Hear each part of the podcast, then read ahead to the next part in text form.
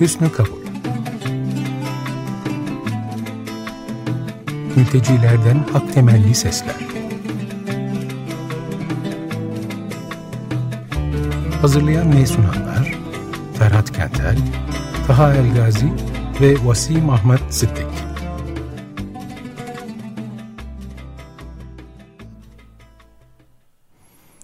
Merhaba, günaydın herkese. Burası Açık Radyo 95.0.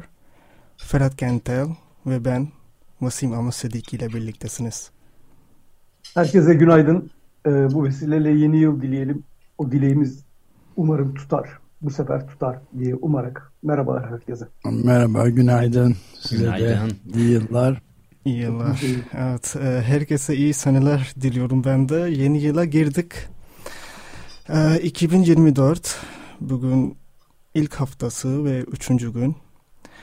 Çarşamba günü. Ee, bugün Bakın aslında... hemen bugüne dair ben bir notla başlayayım mı? Ha lütfen. Sen... Lütfen. Ha Taha Elgazi ile ilgili. Evet. Taha e, Elgazi yok aramızda. Çünkü e, bugün Kilis Adliyesi'nde bir mahkemeye katılacak Taha Elgazi.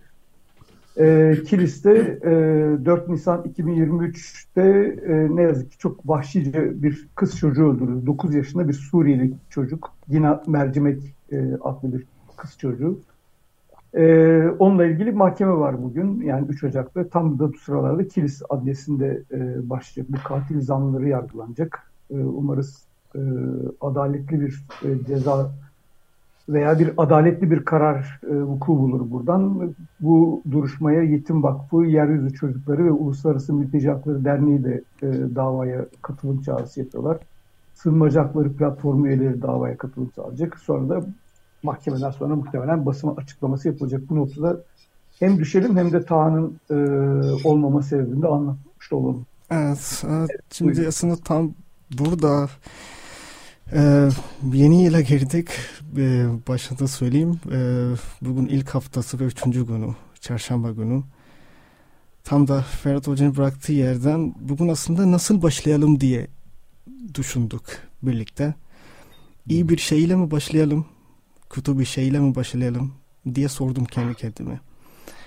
İyilik ve kötülük e, zor bir soru. E, iyilik ve kötülük. Şimdi iyiliğin bir türlü sıradanlığı olmadığına göre bugün e, Hannah Arendt'in 1963'te yayımlanan Kutulu Sıradanlığı kitabı aklıma geldi.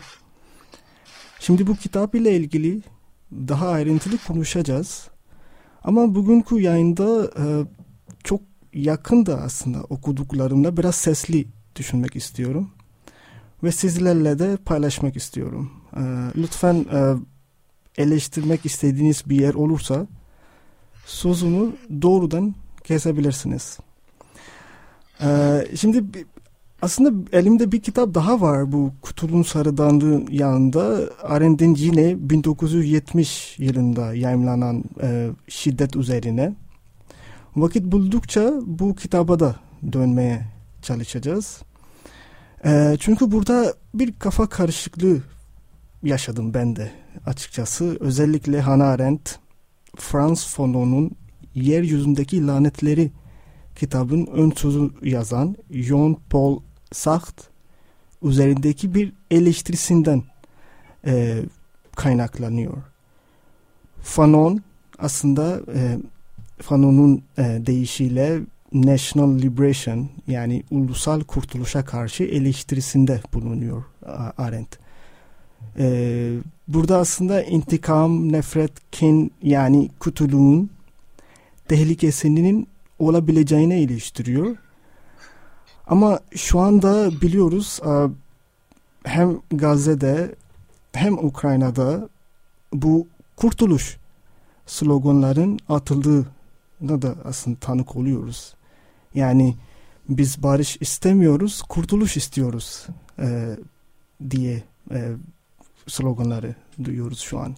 Şimdi neyse ilk ilk önce Arendt'in küçük bir biyografi ve Kutul'un Sıradanlığı kitabı üzerinden gitmeye çalışalım. Ee, Arendt'in e, şiddet üzerindeki amaçlarından biri aslında bir e, kan dökülmesine siyasetin kaçınılmaz bir unsuru ya da pozitif bir iyilik olarak benimseyen bir düşünür. Ve aslında Arendt biliyoruz Almanya'da doğmuş e, Yahudi kökenli bir düşünür. Laik bir ailede doğduğu için aslında Yahudiliğini yani anti Semitizmi e, Almanya'daki Yahudi düşmanlığı üzerinde negatif bir şekilde öğreniyor. Heidegger'in öğrencisi oluyor. Yani bir felsefeci e, olarak e, e, mezun oluyor. Daha sonra Kalyasper ile doktorasını yazıyor. Frankfurt okulunda özellikle Walter Benjamin ile arkadaşlığı var. Almanya'da 1933'te Hitler iktidara geldiği zaman Arendt önce Avrupa'nın başka ülkelere sonra Fransa'ya kaçıyor. Fransa'da bir toplum e, topluma kampına gönderiliyor. E, ama buradan da kaçmaya başarıyor. E, ve sonra 1941'de ABD'ye göç ediyor. Ve burada esas e, itibariyle aslında e, New School of Social Research okulunda yani Frankfurt'taki e, Adorno, Horkheimer ve Benjamin ile de ilişkisi var bu okulun. Ve burada dersler vermeye başlıyor. Ee, orada kendi deyimiyle siyasal kurama e, dönüyor. Ve insanlık durumu üzerinde bir bir çalışma, bir eser yazıyor. Ve bunun üzerinde devlet, şiddet, kutuluk üzerinde geçmiş ve gelecek arasındaki zamansal meseleleri e, e, üzerinde düşünme başlıyor ve çalışmaları yapıyor. Bu kutuluğun sıradanlığı bir e, tarih çalışması diyebiliriz. Fakat e, Arendt tarihçi değil. E, bu nedenle e, Benjaminyen bir tarih yazımı yapıyor. Yani e, tarih bir çeşit genealoji olarak okuyor. Kutuluğun sıradanlığı nedensellik olarak birebir öğe çıkartmış değil ama kutuluğun bir tür izini sürüyor. Şimdi Hannah Arendt'in e, şimdi yine bu kutuluğun sıradanlığı kitabından gitme gerekirse e, üç tane e, kavram ama hem bir devlet işleme şekilleri var totaliter, diktatörlük ve faşist e, devletler. Totaliter devlet e, Arendt için e, sabit olmadığı bir devlet olarak görüyor. Yani sürekli değişim içinde olan e, hareket halinde bir rejim. Yani bir tür böyle belirsizliği de içeren bir devlet türü. Bu açıdan zaten yalanla gerçek, doğru ile yanlış, suçlu ile suçsuz, iyilik ile kutuluk arasında farkı yok ettiklerini söylüyor e, totaliter devlet için.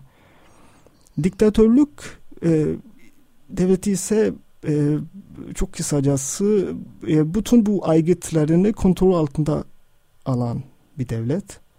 Yani bütün devlete ele geçiriyor aslında diktatörlük sistemi sistematik olarak diyelim.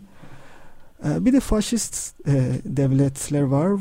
Burada da orduyu kullanarak e, militarist bir biçimde devlet yönetiyor. Arendt için bu iki devlet, e, şimdi iki devlet çok belirgin bir şekilde totaliter olarak görünüyor. biri Nazi Almanyası, e, ve diğeri de Stalin Sovyet. E, ama e, bir şekilde bu Mussolini'nin rejimi mesela faşist diktatörlük olarak çıkıyor onun karşısında. Yani totaliter olmamıştır diyor. Hala bu belirsizlikler üzerinde ürettiği için bu devlet onun için e, totaliter değil diktatörlük olarak e, yani faşist diktatörlük olarak görüyor e, Mussolini rejimi. Aslında Arendt zor bir şeyin altında ayağa kalkmaya çalışıyor. Şimdi bu yorum biraz bana ait bir yorum. Ee, zor bir yerden e, ayağa kalkmaya çalışıyor. Tıpkı Benjamin gibi. aslında Benjamin yani Walter Benjamin için tarih bir tür um, bir figüratif bir dil ile e, yani analoji ile e, e, bir tarih yazma şekli var ve onunla meşgul. Ama Arendt e, kötülüğün sıradanlığı dediğinde hakikaten zor bir yerden yaklaşıyor. Ve e, bir intikam e, ya da kin, nefret, iyi, kötü, yanlış derken e, onlara karşı aslında e, anlam yani anlamaya çalışıyor. E, suçlamıyor tam tersi anlamaya çalışıyor. Yani sen suçlusun yargısına varmıyor. E, zaman tanıyor. Hem kendini hem karşıdakine. Neyse bu, bu burada bırakmak istiyorum. Sonra tekrar devam edeceğim. Çünkü e, Ayman'ın e, davası var burada. E, bu e, özellikle e, anlamaya çalışmak e, meselesi ya da anlam üretmeye çalışmak meselesi e, bir, bir, tür bir e, kaygan bir zeminde de duruyor. Şimdi burada bırakacağım. E, Ferhat Hoca'ya söz vereyim. Belki burada bir şey eklemek ister. Sonra da devam edeceğim ben. Yine. Ben de hemen e, küçük bir araya gireyim ya. Bu Anna Arendt'in kötülüğün sıradanlığını e,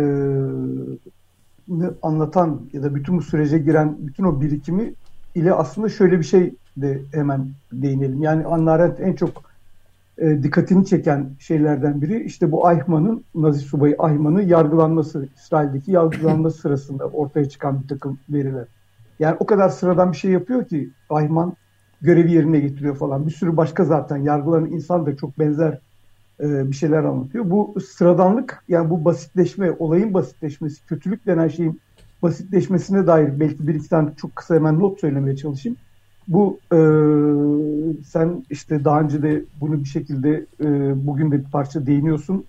Çok e, güzel bir yaklaşım bu. Şaşırmak aslında biraz. Hmm. Bu, bu yani o kadar kötü bir şey ki ne yapacağını bilememek, yargılayamamak, karar verememek gibi hal aslında çok ilginç bir şey. O kadar devasa bir şey aslında bu çok bir tarafıyla çok dini bir şey. Yani e, gücünüzün yetmediği kadar büyük bir şey karşısına biraz böyle işte ışık görmüş tavşan gibi kalmak gibi bir şey. Yani bütün bu kötülüğün galiba e, inşasında e, o totaliter pratiklerde bir e, dekor var. Dekor işte bu Milgram'ın e, elektroşok deneyinde falan da vardır buna benzer şeyler. Yani öyle bir etkilersiniz ki insanları insanlar her şeyi yapabilirler. Yani herhangi bir ama küçük mahalle arasında bir propaganda yaptığınız zaman aynı şey etkili olmayabilir. Stada doldurduğunuz zaman insanları büyük bedensel gösteriler, silahlar, tanklar, resmi geçitler falan yaptığınız zaman insanların gerçekten bir tür böyle e, paralize ederek ikna teknolojileri kullandığı zaman ne yazık ki her türlü e, şey e, kötülük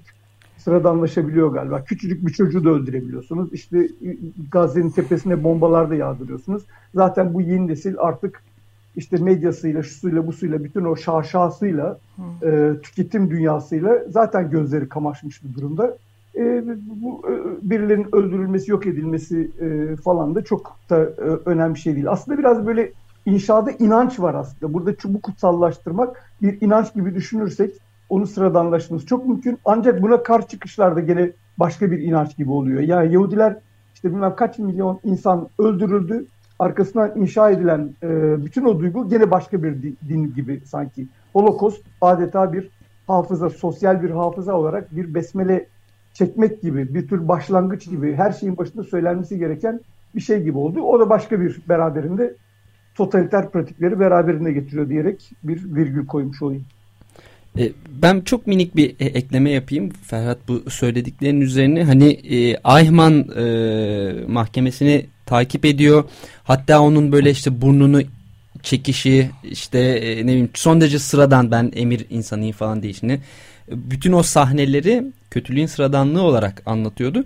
Şimdi yeni görüntülerimiz var sosyal medya sayesinde. Bu Gazze Savaşı'nda zaman zaman bunlar paylaşılıyor. İsrailli askerlerin paylaşımları. Ben mesela dün akşam bir video gördüm. Kötülüğün sıradanlığı bu olsa gerek. Yani günümüzde dedim. E, yıkıntıların arasında hani Gazze'de bir açlık var. yanlarında e, mangal getirmişler kebap yapıyorlar. Mesela İsrail askerleri Gazze'de yapıyorlar bunu.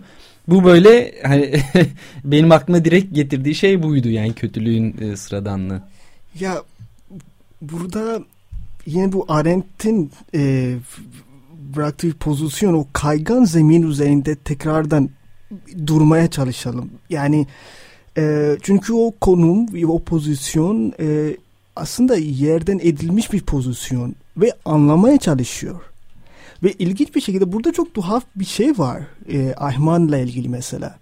E, e, Ferhat Hocam e, o şaşkınlık veya şimdi Arendt'in ağzıyla Arendt'in deyişiyle e, fikirsizlik e, yani bir düşünce yoksunluğu bir yanda ya da e, gözlemci olarak kalmak ya gözlemlemek sadece ise bu mesele şunu diyor Ayman'ın e, o 11 Nisan 1961 yılında e, gazete şey, e, Kudüs'teki e, mahkemesinde aslında ta, mutlak bir hatası olmadığını söylüyor. Kafası orada çok karışık bir yanda. Yani e, Ayman'ın orada o fikirsizliği ya da e, düşünce yoksunluğu e, onu kötülüğü yaptırmaya zorluyor.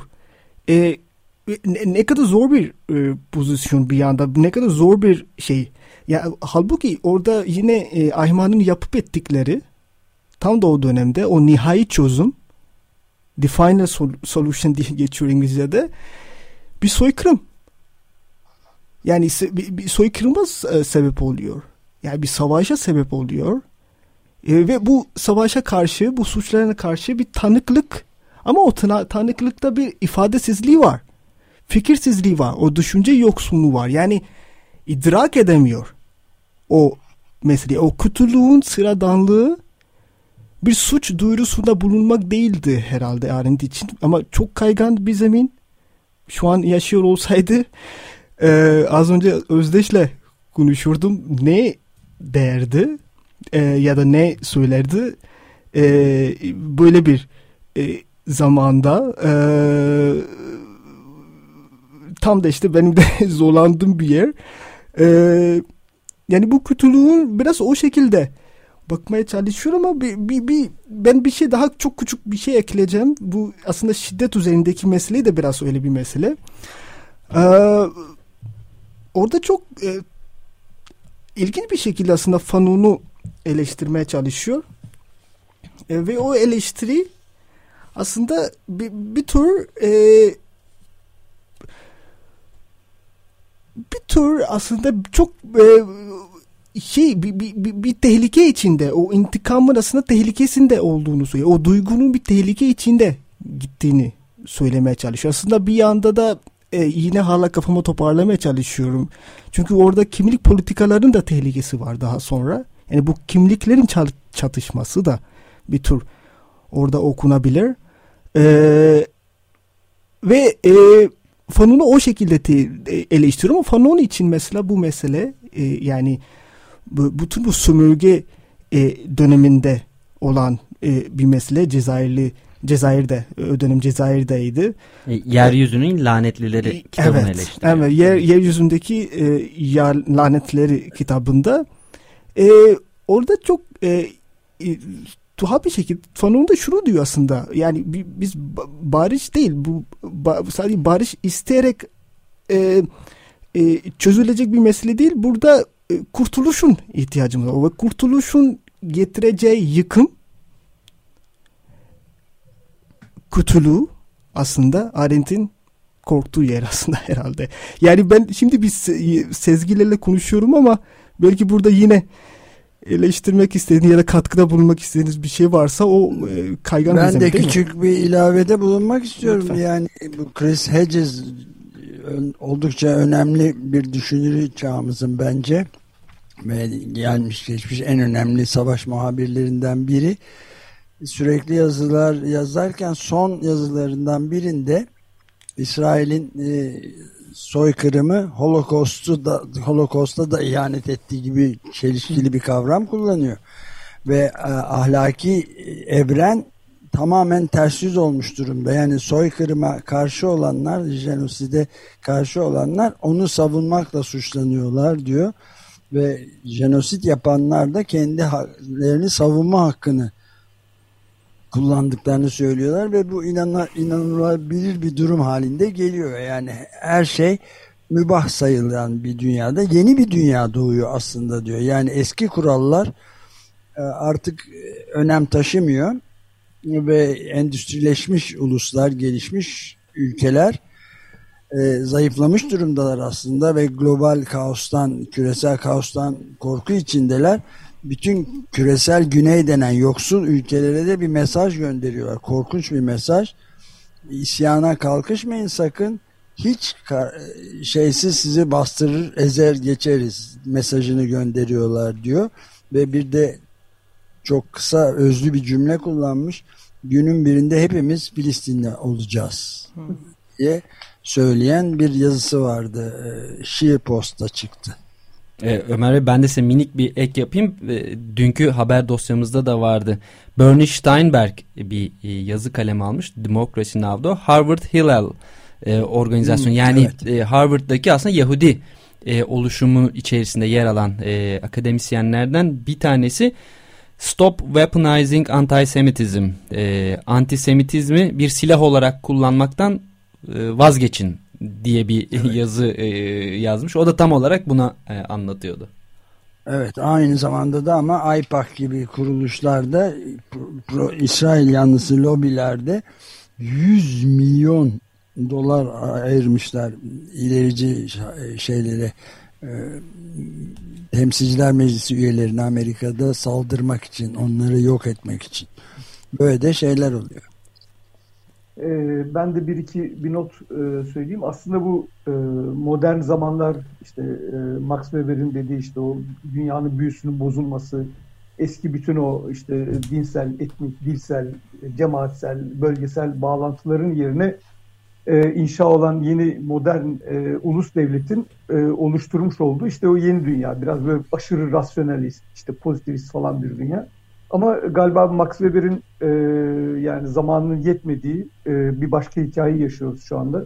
Bu dünyada da e, büyü denen şey gayet geçerli. Özellikle totaliter rejimler veya işte böyle topyekun evet. bir takım insanları yok etmekten, e, çıkarları işi yok etmekten çekinmeyen devletlerin en büyük teknolojilerinden biri büyü yaratmak. Yani e, Vasim'in az önce söylemiş olduğu düşüncesizlik Anna Arendt'e dayanarak fikir sahibi olmamak denen şey aynı zamanda duygu sahibi olmamaktan gibi bir şey aslında. Ya da varsa bir duygu onu ben inşa ederim zaten diyorsunuz. Yani o vatan, millet işte her türlü e, bol e, propagandayla dolu bir takım duyguları yaratıp dolayısıyla siz o duygular eşliğinde bireyi, toplumu, devleti bir özdeşleştirirsiniz. Kompakt bir şey hale getirirsiniz. Yani birey kendisini devlette, devlet kendisini bireyde bulur. Dolayısıyla onu sizin askerinizin veya işte devlet başkanınızın, işte bilmem alınan kararların, politikacının almış olduğu kararlar size yetersin. Ayrıca başka bir e, karar almanıza gerek yok. Ama bu da sonuç olarak bir tür e, büyülenme e, gibi bir şey diyebiliriz herhalde. Bir, bir, bir noktaya ben de e, değineyim. Ya, bu, bu hani Naziler Arendt şey diye anlatıyordu aslında. Yani kötülüğün sıradanlığı diye bir şey Nazilere atfediyor ama hmm. Naziler de radikal bir kötülüğü Yahudilere atfederek aslında örgütleniyor. Tabii Bütün bir dünyayı yöneten muazzam bir kötülük ve onları da işte daha sonra Naziler aşağılayarak kendi kötülüklerini böyle gerekçelendiriyor. Mesela İsrail'in yaptığı da tam olarak bu yani. Kesinlikle. Muazzam bir canilik anlatıyor e, mesela Hamas üzerinden e, ve bunu kendi kötülüğünü bunun üzerinden anlatıyor. E, biz şimdi Açık e, Radyo'nun internet sitesinde çok güzel de bir e, çeviri var. Gönüllümüz e, Özge Atılgan yaptı. Bu Maşa Gesse'nin Hannah Arendt ödülü aldı biliyorsunuz. Yani az daha alamıyordu. Çünkü New Yorker'da bir yazı yazdı. Ve e, işte Holocaust'un hatırasının dondurulduğunu, müzelere hapsedildiğini, tarihsel konteksten çıkarıldığını Dolayısıyla hani o biriciklik orada bırakıldı. Sadece bize oldu. Sadece o anda oldu. Hiçbir şeyle karıştırmayın diyorlar. Halbuki bu tarihi böyle dondurursanız işte ders çıkaramazsınız diye bir çok güzel bir yazısı var Maşa Ges'in. Orada Arendt'ten de bahsetmiş. Ee, bu Eichmann'ın şeytan olmadığını belki de şeytanın var olmadığını gördü diyor. Ee, internet sitemizde e, Türkçe'ye çevrilen metinde. E, radikal kötülük diye bir şey olmadığını, kötülüğün aşırı olduğunda bile her zaman sıradan olduğunu, daha sonra ifade ettiği gibi çukurda doğmuş tamamen sığ bir şey olduğunu düşünmüştü demiş Arendt için. Evet Burada galiba süreyi de bitiriyoruz. Hemen bir tane küçük bir dipnot söyleyeyim. Jeffrey Alexander, e, Travma, bir sosyal teori olarak Travma adlı bir kitap çok tavsiye ederim. Çok iyi bir kitaptır. Jeffrey Alexander, tamam. Jeffrey Alexander, Travma. Tam Holocaust meselelerinden falan bahseden, onun nasıl inşa edildiğinden de olsa başka bir takım şeylere nasıl gerekçe olduğuna dair de çok e, sosyal, bilimsel açıdan e, çok anlamlı bir katkıdır. İşte bu kısa bir sürede Arendt ile ilgili çok kısa böyle bir beyin e, şeyi e, jimnastiği. jimnastiği yapmış olduk. Şimdi e, programımızın sonuna geldik. Bir şarkıyla e, bitireceğiz. E, bu şarkının ismi Why Can't We Live Together? Biz neden birlikte neden? yaşamıyoruz? E, yaşayamıyoruz. Diye yaşayamıyoruz. Evet. Şarkıcı Timmy Thomas e, 1973'te e, yayınlanıyor bu şarkı. Onunla size e, e, baş başa bırakıyoruz. Haftaya çarşamba günü yine saat 9.30'da görüşmek dileğiyle. Çok teşekkürler. Görüşmek üzere. Görüşmek üzere. Görüşmek üzere.